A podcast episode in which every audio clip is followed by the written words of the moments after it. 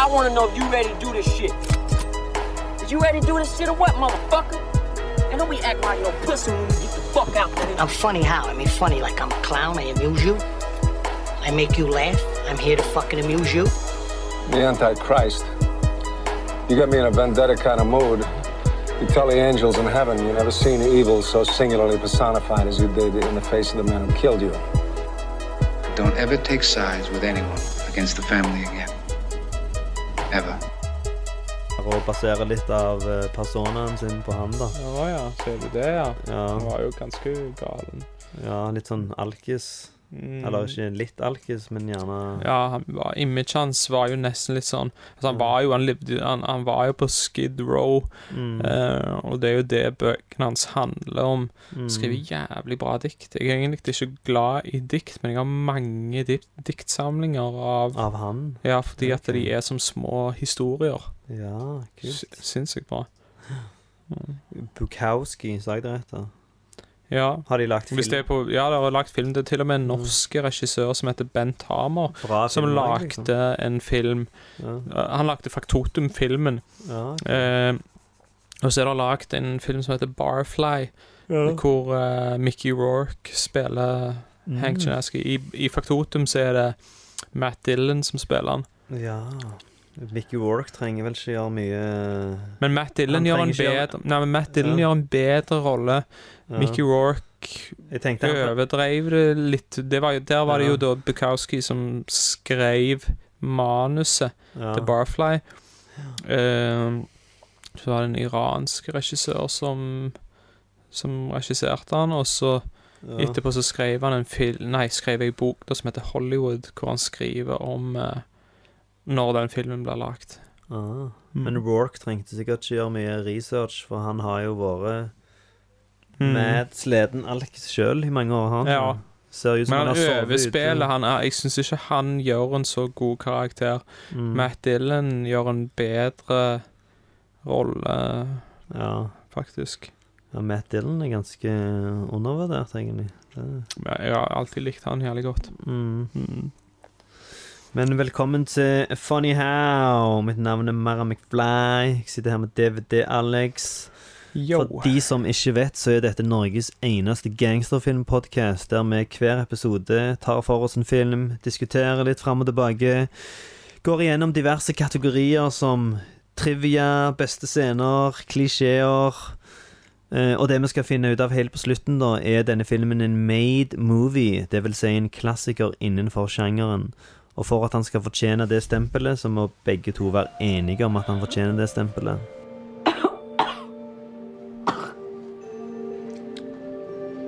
Now, the first time you kill somebody, that's the hardest. I don't give a shit if you fucking Wyatt Earp or Jack the Ripper.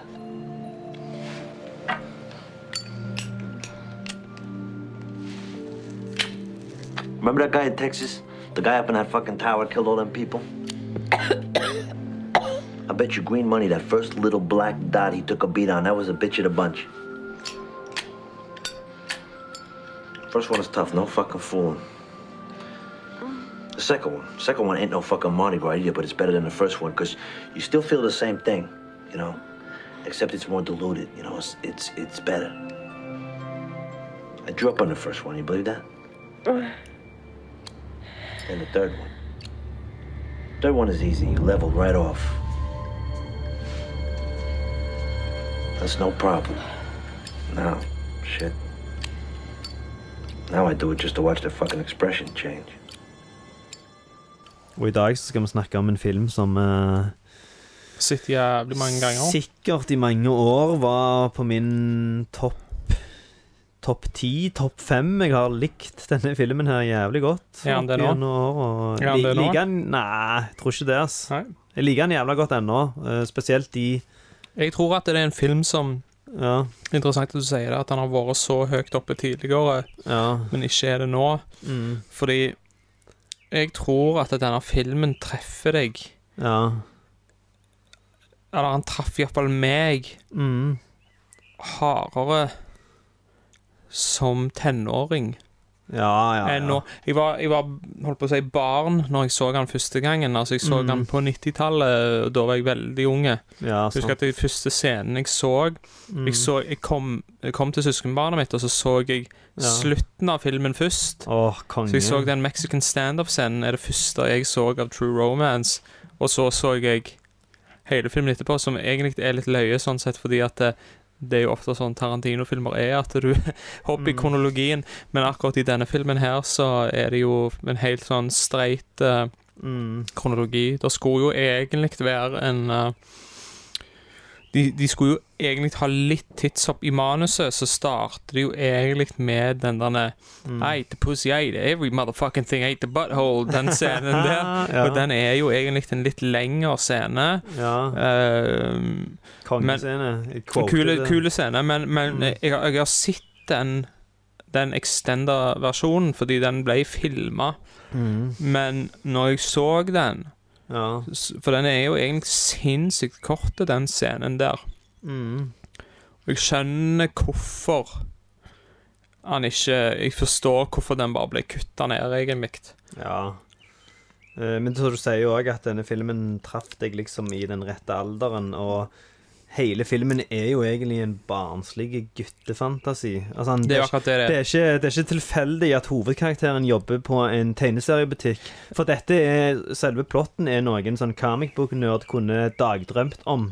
Sånn Du får lov til å være good guyen som redder dama, stikke av i solnedgangen, men du får òg være litt gangster, og skyte folk, selge coke og Det er liksom bare sånn stilclash av Ja, ja det, det, altså det er en, det, det er en sånn ultravoldelige Ja. Det er et ultravoldelig eventyr, på sett og vis. Ja, ja, ja. Og, og, og så, som jeg sa, liksom, så så jeg han første gang når jeg var Når jeg var unge. Mm. Et barn. Et barn. jeg så den da jeg var et barn. uh, men Og da likte jeg den dritgodt. Mm. Uh, men liksom jævlig fett skyting og ikke sant, og, Ja, ja, og sånne ting som det er, og sikkert andre ting òg. Og Mm. det er jo en jævlig kul film. Men, men når jeg var tenåring, Ja. Så traff han meg nettopp på grunn av den fantasien der. Ja, ja, ja. Og jeg kunne relatere veldig til filmen som en filmnerd. Og jeg vet jo at dette her er jo mm. eh, Tarantino sin Kanskje sånn mest sånn Self-insert. Ja, det er den mest personlige filmen hans, på sett og vis. Fordi at uh, han har jo sjøl jobbet på eh, Video Archives, som det heter i og Los Angeles. Han er veldig lik Christian Slater. Sånn Mm. insufferable, bare Jeg tror mange opplever meg og deg ganske likt. Jeg vet at når vi treffes med kjærestene våre, og sånn, så begynner de ofte å himle med øynene og bare For faen, da. Det tok fem minutter før dere begynte å le, le, le, le, Tarantino og den og den filmen og det soundtracket. Og, så når jeg ser denne filmen da og ser hvordan Christian Slater bare plager en sånn random dude på en burgersjappa med sånn trivia om Elvis, eller hva faen, så kjenner jeg meg jævlig igjen, da. Sånn jeg Ja. kan begynne på jobb, for eksempel, hvis noen snakker om TV-serier, og så Ja. Tar jeg det til et nivå som de bare syns er sånn Hva faen er det han weirdoen her snakker om? Han tar helt av. Roer Mm. ned. Han Ja, har drukket for mye kaffe. Hva er det han snakker om? Manus og bok og ja. Men uh, Men det, var, eh, det, det, det som òg var, det er jo ikke bare det med den filmen, og- eller for hans del så er det Mm. comic book, liksom, men ja. òg dette at du går på kino alene. ja. Alle de tingene der kjenner jeg meg jævlig godt igjen i fra Mm. en viss periode av livet mitt. Og, ja. eh, eh, men òg det der at du går rundt og dagdrømmer om drømmedama, ja, og at hun skal være Altså, For det er det som er på en måte det geniale i denne filmen her, er jo at eh, som seer så blir du Og det er jævlig god casting, men du Mm. blir litt Du faller for Patricia Arquette. Ja, ja, ja, ja. Du, du, du kjøper det. Ja. Det er liksom Hun spiller det Til tross for at det er helt utroverdig. Ja, At de skal treffes, gifte seg dagen etterpå. Sant? Det, det er jo helt sånn verste, det, mest, det, mest, eh, det minst troverdige med det er måten han sjarmerer henne i senk på. Det er at han står faen og forklarer henne plotten i en Er det Spiderman? Ja, dette er første Spiderman edition. Og så står han og forteller. Og bare det Tarantino har jo innrømt i ettertid at han skrev jo dette lenge før han hadde hatt en kjæreste. Og, Men det som gjelder barnslig guttefantasi, og tror at du skal imponere ei dame med å forklare henne handlingen i en Spiderman-tegneserie Ja, ja. Når jeg ser de Marvel-filmene med dama mi, og så begynner hun å spørre spørsmål, liksom sånn Hvorfor Hvorfor vil han gjøre det og det? Og så blir jeg nesten litt sånn flau og vil ikke svare på det. liksom Bare se nå filmen, for faen. For det, det høres så jævlig Når du skal forklare plotten i sånne superheltgreier, så det høres bare så jævla nerd ut. Ja, ja, ja. Det er liksom sånn. Ja, han har fått uh, magiske krefter, for han ramla oppi sånn Really? Hva, sa du nettopp det? så det? Men det er jo en del av skjermen på filmen òg, og det med den Spiderman er egentlig uh, kanskje favoritt superhelten min. Ja. Og òg litt fordi at det sikkert ikke tilfeldig at han blir trukket fram her, fordi at han òg er jo egentlig en nerd. Ja, ja, ja, ja. Er Og han er lett fordøyelig òg. Alle vet hvem han er. Mm. Hadde du begynt å snakke med en sånn obskur uh, comic book-dude, så hadde det jo vært enda verre. Men Mm. eh, det er jo en del av skjermen av filmen òg, sånn at han er litt sånn flau og cheesy. Når jeg viser den til folk som ikke har sett den før, Mm. så er jeg alltid de 20 første minuttene når de blir forelska, og så den der jævla sentimentale scenen. Når de Sexscenen deres. Nei, etterpå, når de sitter på terrassen, oh, ja. og hun innrømmer at hun er ei hore, og begynner å grine, så kommer den der tropiske Hawaii-musikken. Da er det alltid sånn at jeg tenker sånn Å, fy faen, hva, hva tenker denne duden om jeg som satt på denne filmen her? For det er jo før alle de der episke scenene når Christopher Walken, James Gandolfini og Sam Jackson og sånn.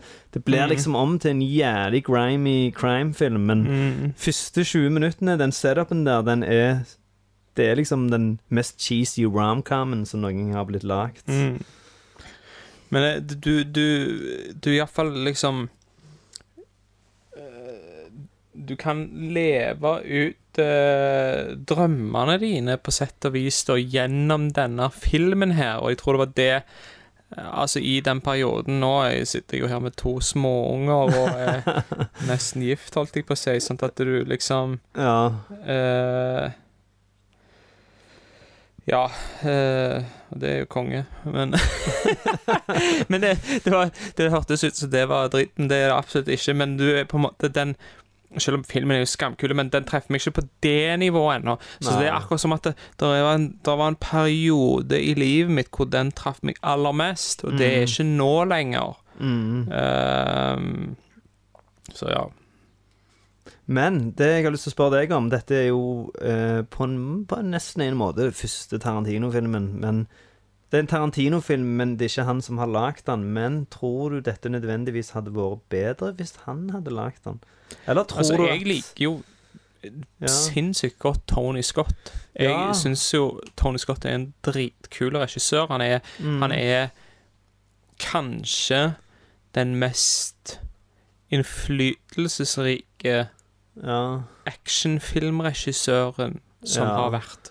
Kanskje. Det tror jeg faktisk du kan si at han har vært. Mm. For, fordi at eh, det var han action, altså, du kan si actionfilm Hva var actionfilmer før 80-tallet, egentlig? Ja, der var ingen, selvfølgelig var det det, og gode òg, Ja. men, men, men eh, det er han som har gjort actionfilmsjangeren til det han er, vil jeg si. Ja, Det ikke ta litt tid, men han er iallfall garantert Garantert, om ikke den aller mest innflytelsesrike, så en av de.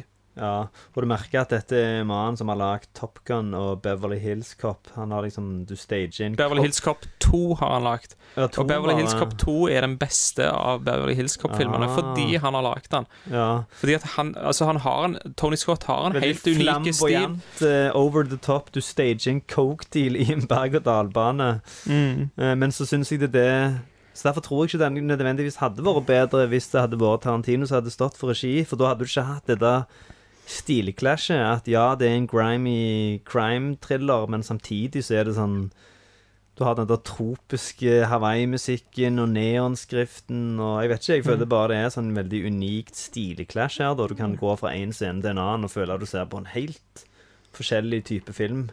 Tarantino digger jo filmen, Ja, og Tarantino det, ja. digger jo Tony Scott. Ja. Han skulle jo Han eh, Altså, han traff han Ja. under innspillinga av The Last Boy Scout, fordi at eh, Tarantino jobbet litt på den filmen, eller var Stemmer. innom der som en assistent eller noe i den duren der. ja. Og hadde skrevet flere manus uh, osv. Blant annet så hadde han Mm. Reservoir Dogs og True Romance. ja. Og, og de fant på en måte tonen, de to, og Tony Scott ville lese manusene, så leste han de. Så jeg vil lage begge to. ja. Og det var sa, Denne sa og Natural Born Killers, var det ikke? Nei, Natural Born Det som Bakgrunnshistorien til dette her er at det, Ja. først så skrev Tarantino et 500 siders manus Ja. til Natural Born Killers. ja. Og så delte han det opp, da, sånn at det, det ble én Natural Born Killers ja. og True Romance. Så begge er jo Outlaws on the Run-filmer, så det er jo likhetstrekk Litt sånn her. Bonnie and Clyde-fantasi. Ja. Uh, ja. Badlands, som er en uh, veldig sånn direkte innflytelse på denne, sånn som denne, den musikken, for eksempel, som du nevner, den Hawaii-aktige greia. dun, dun, Det er jo, dun, den kjenningsmelodien er jo fra Badlands. Er det, ja? Ja. Ja, Hva Badlands er nå igjen? Eh, Det er, vil jeg si, den eneste gode Terence Malick-filmen Ja, fra, fra 70-tallet. OK.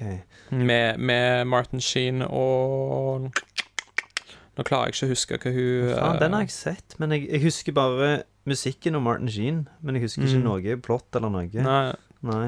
men det er òg en Outlaw on the Run-film, der han eh, er en Ja, outlaw og treffer hun eh, Ja. uh, som er mye yngre. Jeg tror jeg så den når vi skulle forberede oss, for det, vi skulle egentlig gjøre denne episoden her for lenge, lenge, lenge siden, og da tror jeg jeg så den. Ja. Mm. Men Tony Scott, om det er han som drepte seg sjøl, eller var det Han uh, kasta seg ut forbi ei bro, ja. Ja, og så broren, han har Ridley. lagt Han har lagt masse Gladiator, ja, masse, masse filmer.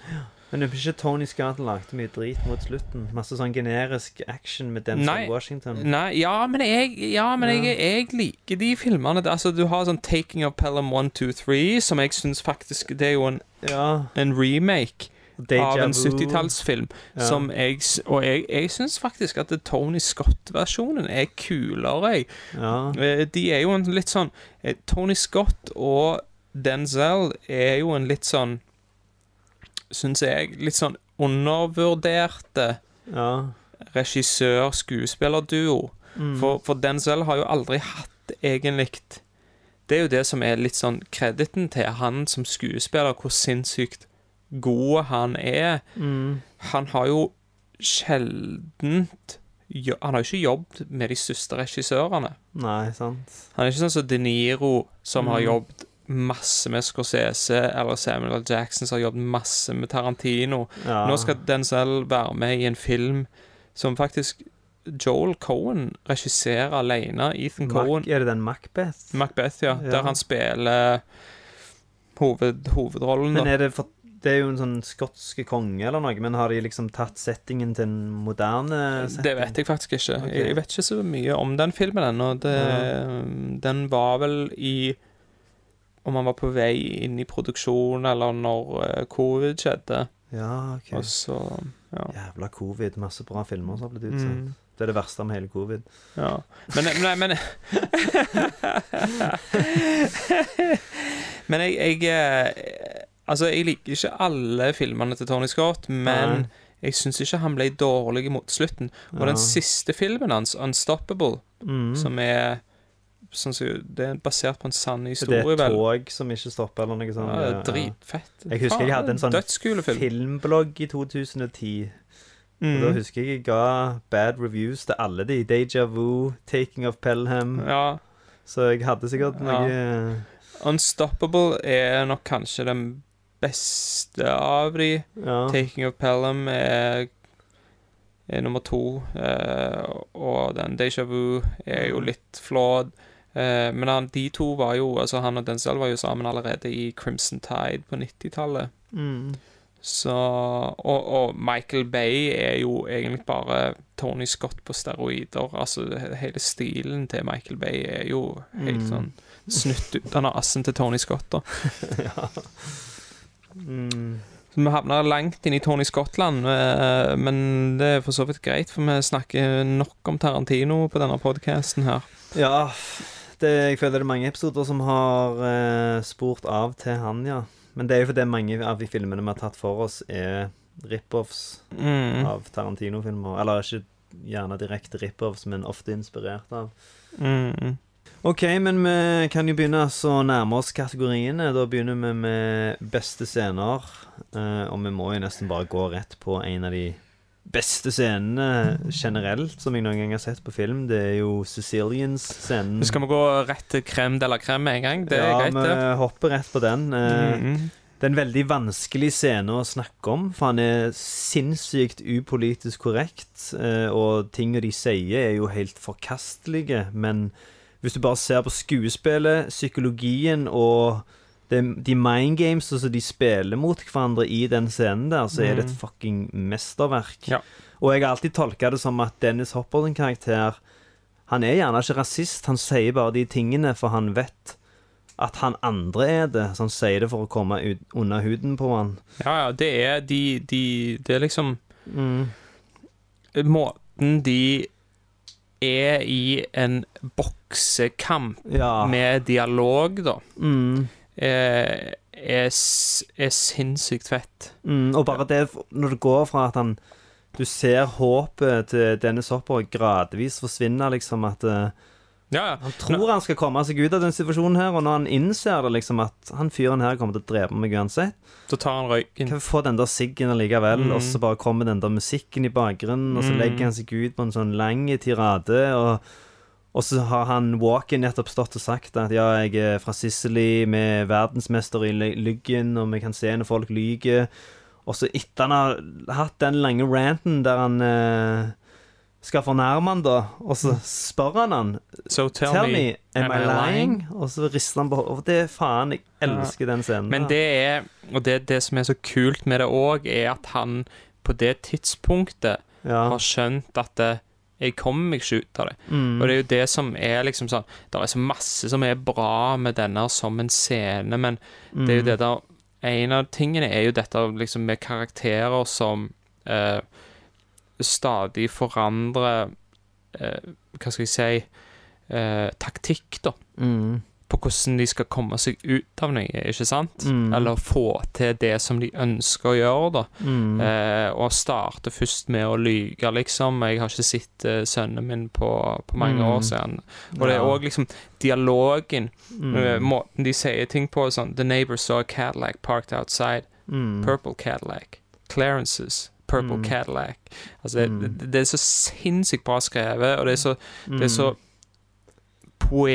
poetisk, da. ja. Altså dialogen, altså den som vi har her i introen òg, med 'Tell the angels in heaven you have never seen evil so single Ja. personified as you did in the face of the man who killed you'. Altså, hvordan faen skriver du det? Står en dude i stua di når du kommer hjem, og så åpner med det. Da er du fucked, liksom. Mm. Det, han sier det i åpning. Han skal drepe deg. Mm. Når du kommer til helvete, nei, himmelen, så Og, det, så får du jo òg inn litt, hvis vi skal trekke inn Tony Scott igjen, da, ja. så ser du liksom hvordan han Hvordan han lyssetter den scenen, da, kontra det som har vært rett i forkant. ja. eh, hvordan det er med på å lage en stemning, da, sånn at det inni den, inni den der eh, husvogna, når Clarence er der, Mm. så er det helt annen type lys, selv om det er dagtid. Det er mye mer sånn innbydende, fint å være der. Mm. Med en gang disse folkene kommer inn der, så er det klaustrofobisk, det er mørkt, tett, Mm. liksom. Og de, de står De bare lumer på en måte over han da, mens han sitter i stolen der. Mm. Så er det så mange kule skuespillere i den scenen òg, som bare er i bakgrunnen. Du har Mm. han uh, Spiro fra The Wire, han Mm. der han er så under The Greek, og så har du faen James Gandolfini. Ja. Uh, episke scene. Ja. Uh, og jeg føler det Både den Does Marcel Wallace look like a bitch? Åpningen i Pub Fiction og åpningen i Inglorious Bastards, når Hans Landa kommer inn og avhører den der stakkars familien, eller han der fattige fyren. Ja. Føler det er ganske like scener. Ja. Tarantino er veldig fan av den powerdynamikken og den, det psykiske spillet der, da. Det er sånn Mm. tens scener der du Du har sett den 300 Det, det, ganger, det, det, Tarantino, altså det er essensen av Tarantino. Det er Ja. helt strålende dialog som ender i et Ja. blodbad. Det er liksom Ja, ja, Det ja. er- Samme det er- med, med den kortspillscenen i Inglorious Bastards òg. Det er liksom sånn Mm. Vittig dialog, vittig dialog, vittig dialog, og så plutselig skyter alle hverandre i pikken og hiver øks i hodet på hverandre, og så bare på tre sekunder så er alle Ja, liksom. og han er jo ekstremt god på Ja. Alle de beste scenene med Tarantino er det veldig mye tension i, da. ja. Eh, og det ser du jo også hvordan han gjør liksom i Once Upon a Time in Jeg skulle til å nevne den når han er syrefjerner på kjøkkenet.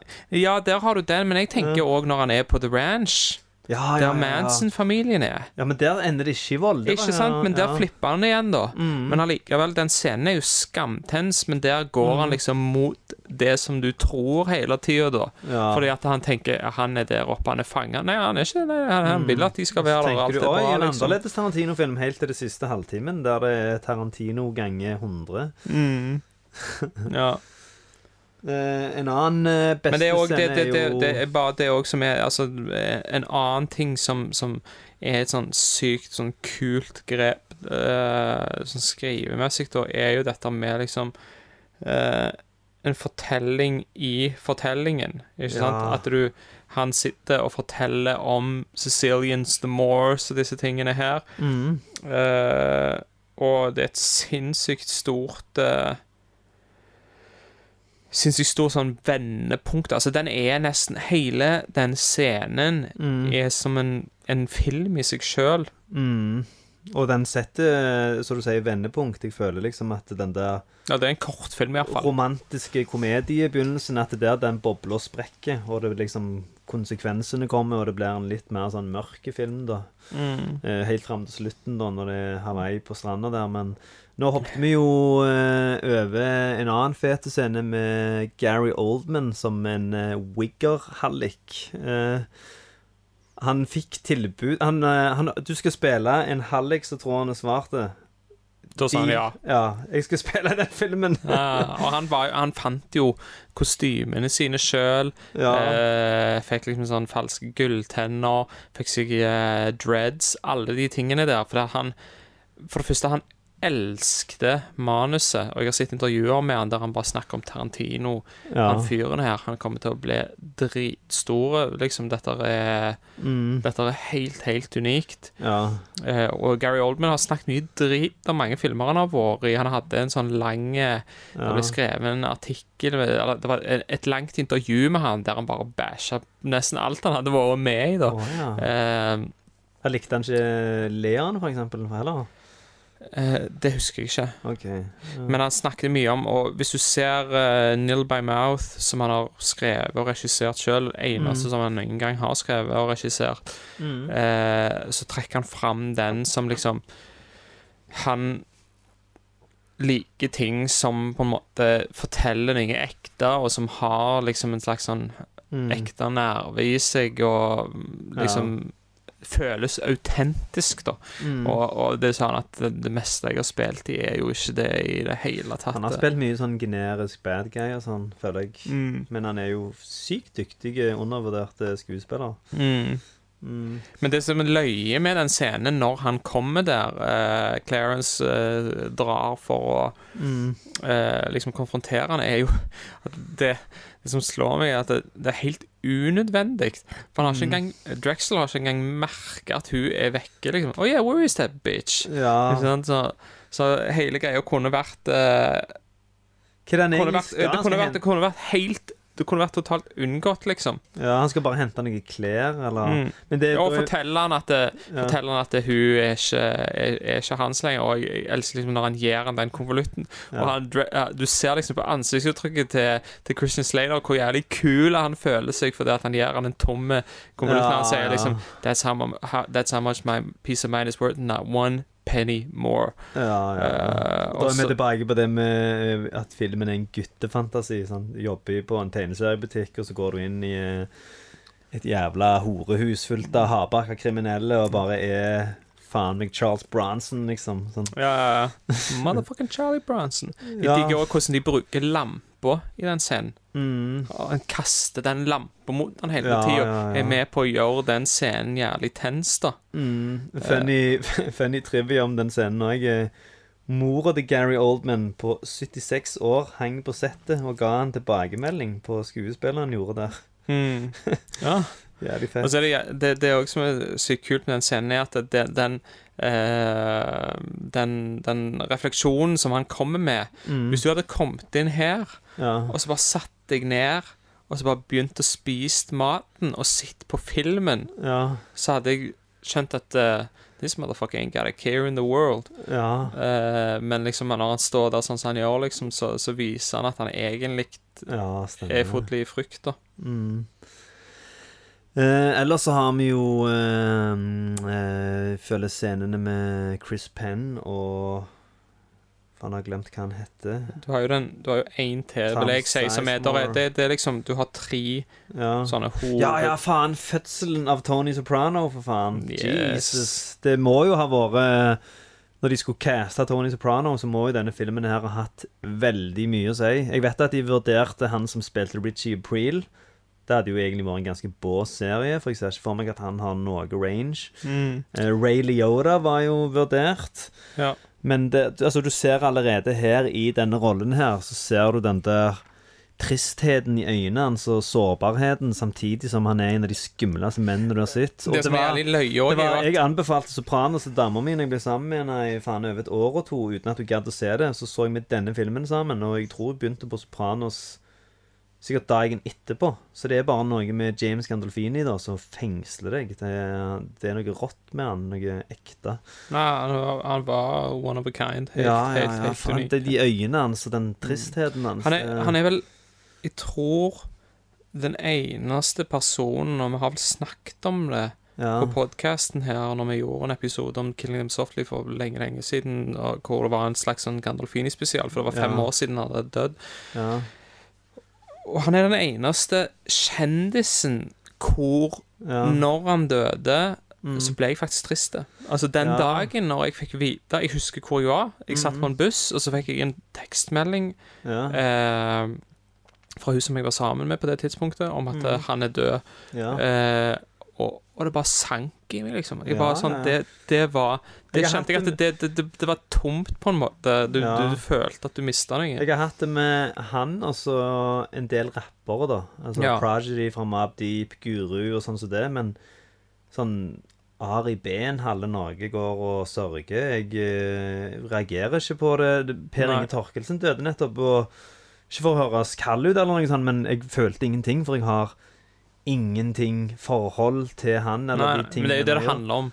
Ja, ja, selvfølgelig. Det jo Det kommer jo alltid til å være sånn at uh... Men, men, men Gandolfini er jo spesielle, fordi at hvis du Altså Ja. sånn jeg, hvor, mange ganger har vi sett Sopranos? Altså, jeg tror jeg har sett hele greia sånn syv-åtte ganger. Ja, kan du tenke deg hvor mye tid du har tilbrakt med han? Og hvor mange sider du har sett av han. Og Mm. hvis du leser litt om at han faktisk sleit litt med Jeg tror han hadde mange av de samme issuesene som Tony har, for det kommer fra en ekte plass, mye av det der. Og det har til og med sønnen hans sagt når jeg jeg leste intervjuet med han, så han spiller i den kommende filmen, at det er jævlig tungt for han å se de scenene der han snakker om AJ, for han ser det i øynene hans at det er liksom At det er jo egentlig han han snakker om. Sånn at Mm. Der han henter det fra, da, på en måte. Og, Ja. Og de der terapiscenene i Sopranos òg, Jeg har jo faen aldri vært i terapi, selv om jeg sikkert hadde trengt det i den alderen. sant? Så det ble- på en måte terapi for meg òg, da, å se de scenene der han bare satt og åpna seg opp og Men tilbake til den Men det, scenen, det som, er- når du snakker om det med terapi, da, så er jo det en av de tingene her som jeg syns er sånn genialt med denne scenen, er at eh, ja. du har liksom hun ja, blir slått med en gang. Hun ligger der nede, han sitter med ei pumpehagle Ja. i fanget og forteller om første gang han drepte en fyr. Det er nesten sånn, denne- det er nesten en sånn terapiscene, liksom. ja, stemmer. Og, og, og det det, er som sant, det. Det minner gjelder om en Melfi-scene. Ja, ja, ja. ja. Og, og, og, og det Sitter ganske likt i stolen der. Ja. Ja, ja, ja. Mm. Og, det, eh, eh, det som er så genialt med det, er jo ikke sant, for det du, du vet eh, at dette her kommer ikke til å gå bra, Mm. men han er så sinnssykt hyggelig med henne, da. Mm. Og det er jo veldig sånn forskjellen på en eh, eh, Hvis du skal ha en sånn eh, Og dette er ikke noe unikt med denne filmen, men skal du ha en sånn menacing karakter, da, eh, så er det det å så bare liksom etablere at denne personen er mektig, denne personen har kontroll over deg, makt over deg, Mm. og så er han drithyggelig. Da blir det mye skumlere med en gang. Ja, Hvis du ja, er jævlig skummel og truer deg som faen hele tida, sånn, så, det, så blir det litt Ja, ja, over the top, da. Mm, det blir litt sånn som den scenen med Walken òg, at det, det begynner med litt sånn høflig mm. småsnakk, og så og så er hun jævlig flink til å holde maska helt til han tar av henne solbrillene, og så ser du bare hun er fucking vettskremt. Mm. Eh, men eh, det som er sprøtt med den scenen der, at han har fått mye kritikk Jeg vet, ikke om du har fått med deg hvor mye du får med deg av det, med sånn Men altså, at han så banker opp ei dame Ja, altså, Tarantino har fått mye PS for det, og spesielt den scenen og sånn, da. Men Mm. hvis du tar et random eksempel, da, når jeg så den med dama mi, sant, så gikk fra å være helt forskrekka til når hun klarer å kjempe tilbake, og så dreper hun han. Og så står hun faen meg og skamslår liket, og så kommer Christian Slater springende inn døra og skal redde henne etter hun allerede har redda seg sjøl. Mm. Så begynte dama mi å skratle. Sånn, det var akkurat sånn female empowerment. å bare se at hun klarte faen å komme seg ut av denne fucking umulige situasjonen på egen hånd. Mm. Uten at mannen måtte komme og hjelpe henne. Så Ja. Egentlig så er det mer empowering. Det er jo det. det er jo, for hun kommer seg jo ut av det på egen hånd. Mm. Så det er jo Men òg Jeg leste jo at Det som er løye òg, for at Tony, Hun syntes det var sykt ukomfortabelt å spille inn det, så Tony Scott ga henne en jævlig hard bitchlap, så hun begynte å grine. Så han òg dodga litt sånn metoo eh, Hvordan du har behandla skuespillerne dine på settet med å dø når han gjorde, tror jeg. ja, Ja, Men hva var det du skulle si? han betalte en høy pris. Du måtte dø. Eh, nei, eh, en ting som jeg beit meg merke i, er at eh, eh, Hvis du ser filmen, så ser du at det hver gang etter at de treffer hverandre, Ja. så går det alltid til helvete hvis de ikke er med hverandre. Ja, stemmer. Så når han går alene til Drexel, så Mm. han- havner, ender det med et blodbad. Når Mm. hun er alene vekke fra han i den scenen med Virgil, Tone, altså Soprano, eh, Mm. Gandolfini, så så ender det i et blodbad. Hun, hun Mm. kommer seg ut av det, da. Det gjør han òg. Når han går på badet, så ender det opp med en Mexican standoff på slutten. Ja. Eh, Så det er på en måte sånn Akselering med at de, de to hører sammen og må være sammen. Hvis ikke så går det ikke bra, da. ja. Uh, Shootouten på slutten òg er jo konge. Ja, ja. Skikkelig episk. eh, John Woo med alle fjøra som flyr Ja, ja, det er konge. Det er dødsfett. racial slurs og blood splatter, og Ja. det er kongescene. Uh, men òg, ja, build-upen til det med han uh, Fra Full House. Lee Donovitz. Ja, Lee Donovitz, ja. Mhm. Kongekarakter. Bare sånn Mhm. coked up douche. Og når han innser at han der duden har snitcha på han Bare Mm. den reaksjonen der. You stab me in the You fucking stab me in heart! the fucking heart! I treated you like a son! Han eh, stjeler nesten showet, han fyren der. Han er helt konge i den Ja, yeah. I alle scenene han er med i. Uh, men har du, om du har lagt merke til at når de er på tivoli, så Michael Rappaport, når han eh, rir i karusellen, så skriker han sånn damehyl.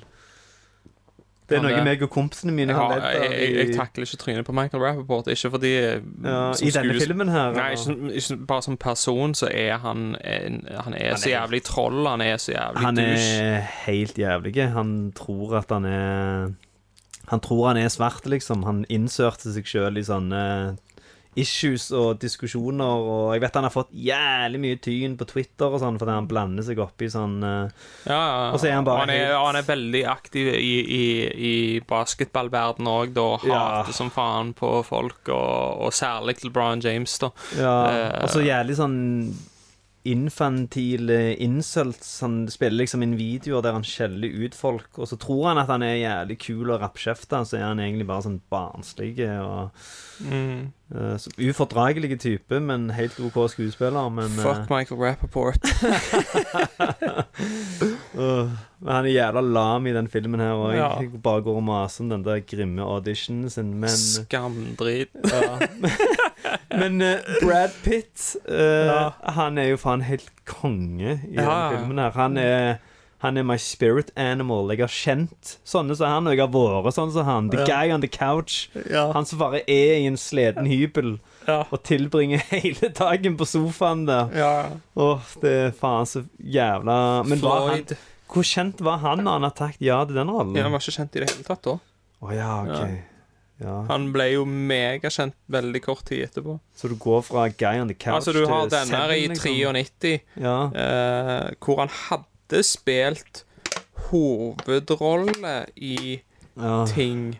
Eh, blant annet en sånn Tom DeCillo-film som jeg faen ikke kommer på navnet på nå, der han har sånn skamhøyt hår. ja. Eh, den var vel før, men eh, Men, eh, men det, to år etterpå spiller han jo i, i, i Seven, liksom. Ja, ja. Det Så- er sykt. Fra Guy on the Couch til hovedrollen i Seven. Men han er, han er så jævla fet i denne filmen her, når de goonsa kommer innom og Jeg vet det, han bare sitter der, Ja. helt chill. tilbyr han Ja, skal, eh, er det noen som skal ha et trekk? Ja. og så bare kaker han shad igjen, og så jeg, jeg tror det er første gang når bare Gandalfini er der etter han har gått, så Don't you condescend me, motherfucker. I'll fucking kill you. Men altså Og når han forklarer veien òg De bare sånn Ja, hvor faen er de hen? Ja, de er på det hotellet. Ja, hvordan kommer vi der? You keep driving and you keep driving and you... Og så kutter de bare vekk. Så tenker jeg sånn Drepte de han? Jeg håper ikke det. Jeg håper Floyd ennå sitter og røyker pipe på, på sofaen. Ja. han, eh, han har ikke gjort noe vondt med noen. Nei. Nei. Eh, vi har jo snakket litt på denne podcasten her, eller jeg så spesielt, hvordan jeg eh, ikke er så fan av happy endings på stranda. Det er liksom den ultimate Er du ikke? Nei. Eh, eh, Det er min favoritting. Ja, er det det? Nei, det er jo ultimate Altså, dette er jo, det er jo så klisjé. I Ja. denne her At du har strand i solnedgang. Ja, Carlitos Eh, Way men- Nei, den slutter jo ikke sånn. Der, der bare fantaserer han om det mens han ligger og dauer på trikken. Vi er jo egentlig inne på clichés you can't refuse nå, egentlig. da Ja, vi kan egentlig hoppe rett til det, siden vi er på slutten med stranda. Mm. Ja. Eh, han skulle egentlig dø, eh, Slater, i manuset. Men eh, siden filmen er så utroverdig, og det bare er en sånn slags fantasi, så tror jeg ikke det har så mye å si. Jeg tror ikke jeg hadde likt filmen mer eller mindre hvis han hadde dødd på slutten. Jeg føler det har egentlig ingenting å si for overall opplevelsen av å se han. Mm. At han eh, er på stranda der med henne, og de har fått en sønn som heter Elvis, og så kommer denne cheesy musikken igjen, og Men eh, blant andre klisjeer i filmen så har vi jo òg eh, selve shootouten, da. Mexican standoff er jo Ja, også det der Var ikke John Woo allerede en ting på dette, denne tida? Jo, jo, jo. Ja. Det var jo fra 80-tallet. Ja, så jeg ville jo sagt shootouten er veldig John Woo-ish. Mm. Med flyging slow motion, og, og så flyr det masse fjør. Det er jo de der jævla duene som alltid er i John Woo-filmer. Husker Mm. noen skrev det på et filmforum en gang. At jeg lurer på om eh, John Woo tror at i alle kirker så bare henger det masse duer. Mm. For i alle filmene hans så er det alltid shootout i ei kirke, og så er det masse duer som flyr rundt. Ja. Mm, mm. To sekunder, jeg skal bare skrive en tekstmelding. Ja. Jeg må gå litt over my notes.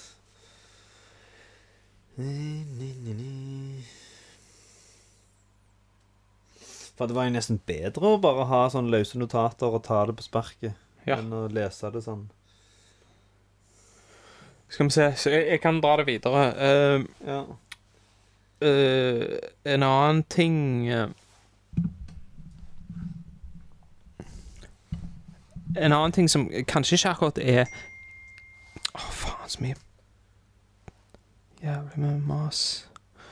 Uh, en annen ting som En annen ting som uh, Åh en annen, en annen ting som Det er ikke akkurat klisjé, men det Ja. som slår meg, er at uh, det er uh, veldig mye løyet med den, den dukker opp ganske ofte som en taxidriver. ja. Taxidriver-referansene er ganske flust i denne filmen her, altså. Army ensom Jacket, der har du, du har, Kino alene. Ja, men der har du, med, der har du Army-jacketen fra Taxi Driver, som, som Clarence går med. Og så har du den leopardskinnsjakka som fra Raging Bull når de gifter seg. Ja, stemmer. Eh, I tillegg så har du sånne scener som du har han Corrigan som står foran speilet You talking to me, you fucking whap you. ja. Eh, du har uh, massaker på et horehus. mm. Eh, du har um, ehm, ja, pimp, prostituert, eh, han som er på kino alene, akkurat sånn som i Taxi Driver, og Mm. du har sånne awkward samtaler, sånn som denne åpningsscenen når han sitter og snakker om Elvis og de tingene der, og Ja. Så det er Det er ikke som en sånn barnslig versjon av Taxi Driver, Ja. for der tar han ham med på sånn porno, kinoporno, og så bader Mm. hun og bare stikker vekk og vil ikke ha noe mer enn å gjøre, mens her er det sånn Å, han viste meg kung fu-filmer! Og så blir hun forelska i han og, mm. og rir inn i solnedgangen med han. Ja. Eh, og så er det jo òg eh, Badlands, da. Er jo eh, filmen helt sånn åpenbart inspirert av. Mm. Altså, hele storyen er, er jo Mm, jæklig like. Der litt- slutter det jo med at Martin Sheen blir drept, da. Eh, Ja. så det er jo litt annerledes. Stemmer. Men Men den- voiceoveren, uh, som er skrevet av eh, Tony Scott, faktisk, som har skrevet voiceoveren, det er ikke Tarantino. ah, Og den minner veldig om Badlands. Musikken er tatt fra Badlands. ja. Og så har du den siste tingen, som er Elvis. Mm. Uh, som man ser Ghost of Elvis. Det er jo tatt fra en Woody Allen-film som heter Play It Again, Sam, hvor Woody Allen oh. uh, ser Humphrey Bogart. OK. Mm. Ja, så han har bare Den har, den har bare stjålet rett derfra. masse referanser og Mm. klaska det sammen til smørje. Det er jo Tarantino uten et Ja. Oscar. Eh, vi går videre til trivia. The Her er Usual Suspects, er det det? Mm, ja, visst faen er det det. Her har vi jo en hel haug med sånn kjente krimtryner. Eh, nevnte jo tidligere at i den der eh, scenen med Sicilians, så er det jo bare de som står i rommet der. Det er jo Frank Adonis, uh, Paul Ben Victor og John Canati Canatiempo. Canatiempo. Pastarett. Men alle de det er jo sånn The Wire, Sopranos, Boardwalk Typisk HBO-tryner. Vært med i Goodfellas og masse Scorsese-filmer. Ja. Eh, og Kevin Corrigan, som var med i Departed og Goodfellas. Eh, Mm. Og så Walken, selvfølgelig, fra King of. New York. Samuel L. Jackson, Ja, stemmer. James Gandolfini, Mm. Tom Sizemore eh, er jo med i Heat, blant Ja, annet. stemmer. Um, ja. Hopperen, har han spilt i noe? Nei, han, Han er bad game i Speed. Ja, men det, er- han er jo ikke en gangster. Han er jo en tidligere politimann. Husker du hva Keanu Reeves sier til han rett før han dreper han? Nei. Han ligger oppå han og slår han på en trikk eller noe, og så ligger han og skjeller han ut, så sier Keanu Reeves But I'm taller than you. Og så snur han seg, og så blir han decapitated av en sånn lampe eller et eller annet. Speed er jo en konge-actionfilm, da. Ja, ja, ja. Faen. Det fikk jeg nesten lyst til å se. Husker du soundtracket? Speed! Give me what I need! Jeg tror det var Billy Idol. Å, Ja. er det på rulleteksten, eller? Ja, ja, ja. Ah, okay. hadde jeg husker vi hadde singelen. Billy Idol, Speed. Okay. Faen meg memory lane her. Han. Ja. Litt sånn dobbeltbetydning. Speed, give me what I need. Uh, liker du Speed 2, eller er den trash? Nå noe du Liker du speed? Liker du Speed? Ja, oppturen, men ikke nedturen. Den varer litt for lenge. Uh, Speed 2 suger. Ja, Mm. den husker jeg lite av. Jeg husker Bad Guyen har en sånn Speed to Cruise Control. Ja, og så er Bad Guyen Han Det har sånn Dafoe. skin condition, så han må legge sånne blodalver på seg Grunn. Ja, han har sånne blodigler. Ja. Sykt random ting med Du vet at folk flest ville sett på som sånn autister, for at vi husker det fra en film som du så én gang på 90-tallet. Mm. Kan jeg så han to og tre. Jeg vet ikke. Jeg så han i går! Nei. eh, da er det trivia. Eh, og her er det jo alltid, som i alle Tarantino-filmer, alltid på seg, så er det alltid sånne kule easter eggs som teier filmene together. du har eh, Mr. White i Reservoir Dogs nevner jo eh, Alabama. at han har jobbet med en Alabama, og det Mhm. er jo egentlig Alabama fra denne, men det er jo fordi Clarence egentlig skulle dødd på slutten, som hadde ledet til at hun fortsatte å leve et life crime. Eh, og så er det en annen som er Lee Danowitz, barnebarnet til sergeant Danny Danowitz fra Inglorious Bastards. Ah. Og den er litt mer sånn uh, Ja.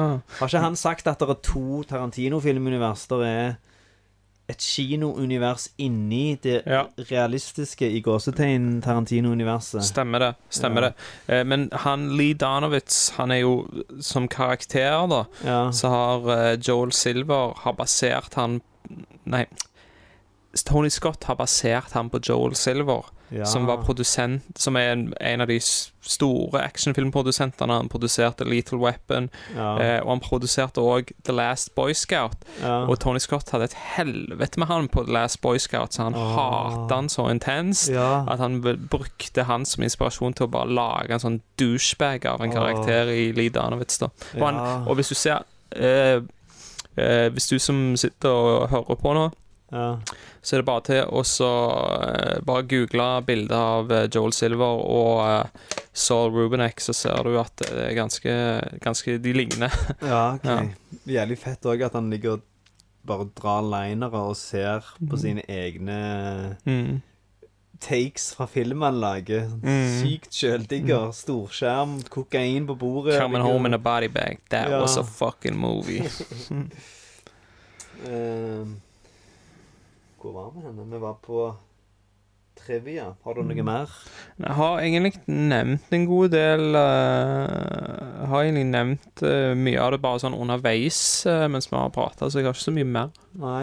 De solbrillene Slater går med her, det er jo de samme som Human Thurman stjeler fra han der han er voldtektsmannen Mm. Kill Bill. Og de har jeg faktisk hatt. Jeg husker jeg Men de kjøpte de på eBay, da, så det var sikkert Mm. veldig sånn eh, skunta versjoner. replika. r- Hule plastikkbriller. Men ja, eh, ja. mm. Vi cruiser videre til the World. Ma, er dette den beste Tony Scott-filmen? ja, det er et godt spørsmål. Jeg eh,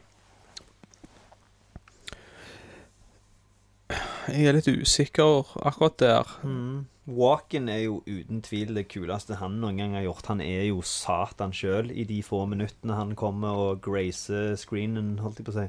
Grace screenen. Grace screenen. Grace screenen med sin presence. Ja. Snakker litt sånn Oral B, merker jeg. Ja, er det er det? det? Uh, ja, den, Ja. den er jo jæklig bra, men jeg vet ikke om jeg vil si allikevel at uh, I og med han er jo bare med noen minutter, Ja. og jeg har jo en mer softspot for uh, King of New York kanskje enn det du har. ja, ok. um, så jeg ville gjerne sagt at det kanskje er hans uh, sånn top of the world, da. Mm. Uh, men så må du jo ikke glemme Hjortejegeren heller, da. Ja, det er sant. Uh, Så jeg, jeg ville nok ikke gått for Top of the World på, på Christopher Walken, selv om denne Mm. rollen selvfølgelig er, er helt. Episke. Hva med Christian Slater? Han har Ja, spilt det, mye dritt. det, det tenker jeg Jeg tenker det er, er, er hans sin, han hans Mm. sin altså. Mens Ja. med, med Tony Scott uh, Så er det litt vanlig Altså Kanskje Mm. Michael Rappaport. Nei, han sparer med det. Get the fuck out of here. Ja, ja, ikke sant. uh, er det den beste sånn Outlaws on the Run-filmen? Jeg har et par av alternativer. Du har Bonnie and Clyde, du Mm. Har. Badlands, Lenge siden jeg har sett Bonnie and Clyde, så Wild at Heart, Thelma Ja. Louise. den òg er jo fet. Thelma and Louise er jo veldig, veldig god, da. Mm, jeg tror mange nok at jeg setter den høyere, faktisk. Ja, så er det en De er jo ikke akkurat outlaws, men de er har jo gjort en crime, da, med at de har drept en fyr og Hva heter den eh, Den uh, Det var en britisk serie på Netflix som var veldig inspirert av True Romance. Ja, den De drepte noen, og så rømte de, og så har han på seg den samme røde hawaiiskjorta.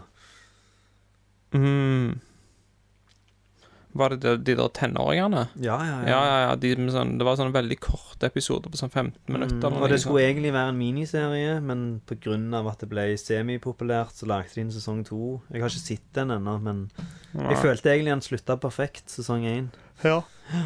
Jeg husker jeg så den. Mm.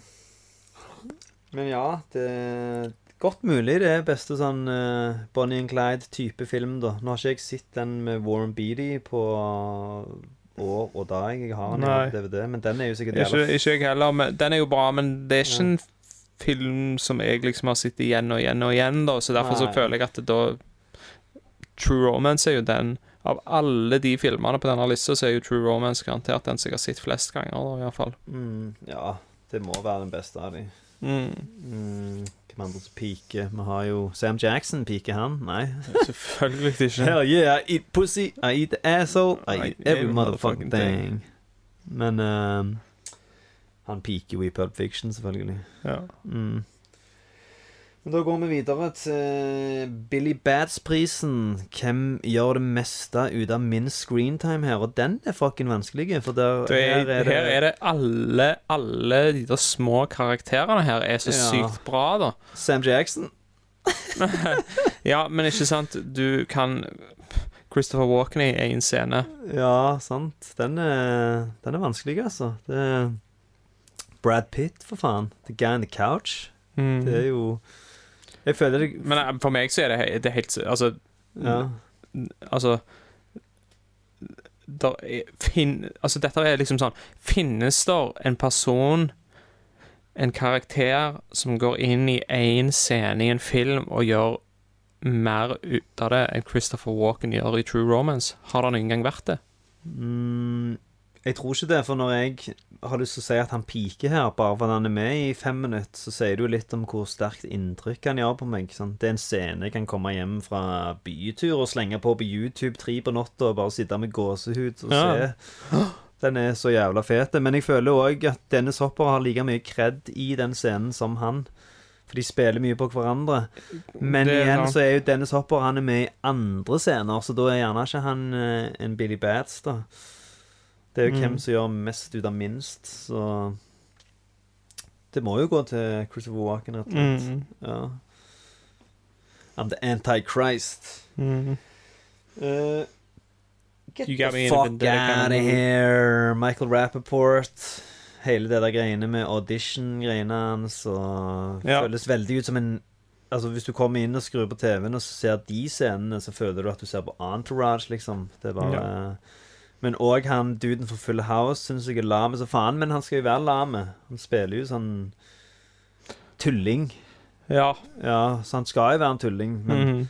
Litt morsom den scenen han blir tatt med å sniffe bare at politi stopper deg, og så Jeg tar så hjem med kokain i trusa di, eller hva han sier. Så Mm. fuck you, og så slår hun igjen, og så blåser Mm. Politiet kommer bort til vinduet ditt, så har du hele trynet fullt av coke. Akkurat den scenen er jo løgn, da. Men, Ja, ja, det er det. Jeg syns at uh, Christian Slater og Dennis Hopper ikke har så veldig god kjemi. Jeg syns ikke de scenene, eller den og de få, så, er så Ja. veldig bra. Og uh, eh, Det er jo den scenen på terrassen. jeg kjøper liksom ikke helt at de er far og sønn, rett og slett. Nei. Jeg har jo den scenen som jeg nevnte tidligere, på terrassen. Når hun begynner å Ja. grine. I'm a Åh. cowgirl! Og så faen, jeg traff deg i går, det er det mest magiske så De har liksom pult. Du kunne faen tro at det Nei, det, det er bare så cheesy. Selve sexscenen òg er rimelig cheesy. Ja, men det er sånn typisk 90-talls Mhm. sexscene som vi har snakket Ja. om her, med sånn at de ligger og slikker hverandre på ryggen i et kvarter. Og det er så jævla cheesy. Sånn svett rygg. Hvem faen som gidder å sleike noen på ryggen? Hva Mm. får du eller den andre personen ut av det? Kan jo være det gjelder nice, jeg har aldri testa det. Eh, Avslutningen på stranda i solnedgang. ja, Mm. det Det er ikke så Er det den eneste happy endingen for en sånn kjeltring, siden det er det de alltid går etter? Til og med Hans Gruber sier de Die Hard. Ja, faen, gutta, nå sitter vi snart på stranda. Ja. Så det er sånn, hæ? Ja. Du er liksom en sånn mestertyv. Hva skal du gjøre på stranda? Du hadde jo kjeda ræva av deg, der. Ja. Gått rundt og stjålet lommebøker. Ja. Uh, word to the wise.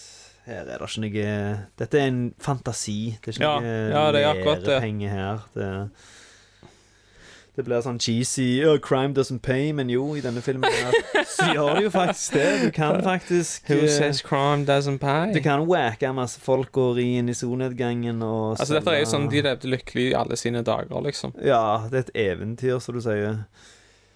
Så da hopper vi rett over den til filmens Capo de Capi. Ja, og Dette er første gang, vil jeg si, da, hvor du har samme person i to forskjellige kategorier. Ja, er det walk-in? Walk-in. Ja.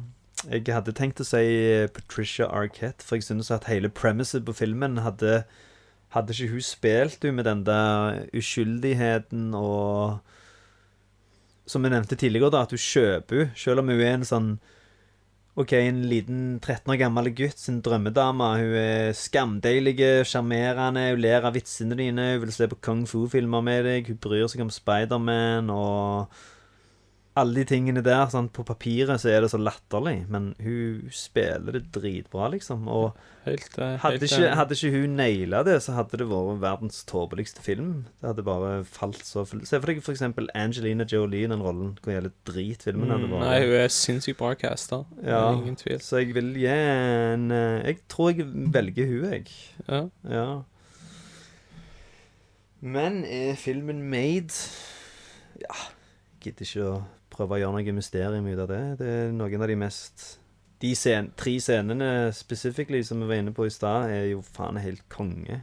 Det er jo Det er det. Så resten av filmen Men min gripe med det, da, ja. er at eh, Det er ikke så mye en egentlig en gangster crime-film.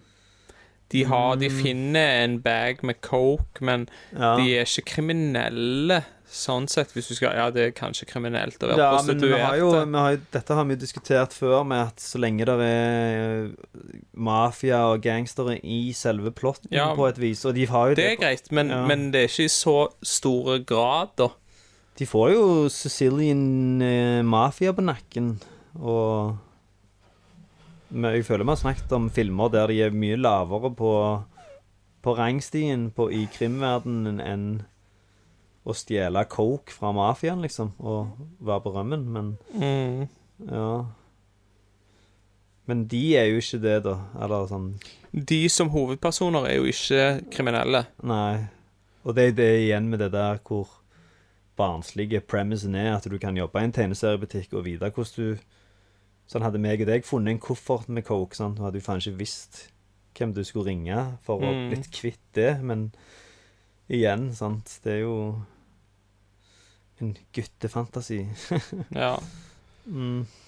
Nei, men altså, det, det er jo Det er jo klart at det, den, den har jo Den har jo en status som liksom som det, er jo, det, er jo, det er jo ingen tvil om det, da. Mm. Men det er det som jeg liksom sånn Som gjør meg litt i tvil. Ja. Eh, akkurat det, altså at de faktisk egentlig ikke er kriminelle, da. De som, de som er faktisk hovedpersonene her. ja, men de, De gjør det. kriminelle ting. De dreper og selger Ja. coke. Og så går det jo litt under, hvis du skal si det, så går det litt under den sjangeren da, som vi snakket om med sånn outlaws on the run. Du, du, du Mm. kan definere det som det, da. Ja. Så sånn sett så Jeg sier meg enig. Eit, nok en episode. Nail in the motherfucking coffin. Da tales vi neste gang, og så skal vi ikke bruke så lang tid denne gang. Ja. Nei, det trenger jeg ikke si nå, det sa jeg på forrige episode. Ja. Nå er vi jo tilbake. Vi er jo tilbake. Tilbake i full effekt. Mm. Nice. Nice. Det var kjekt, altså. Ja, det var jævla nice å bare ha en bare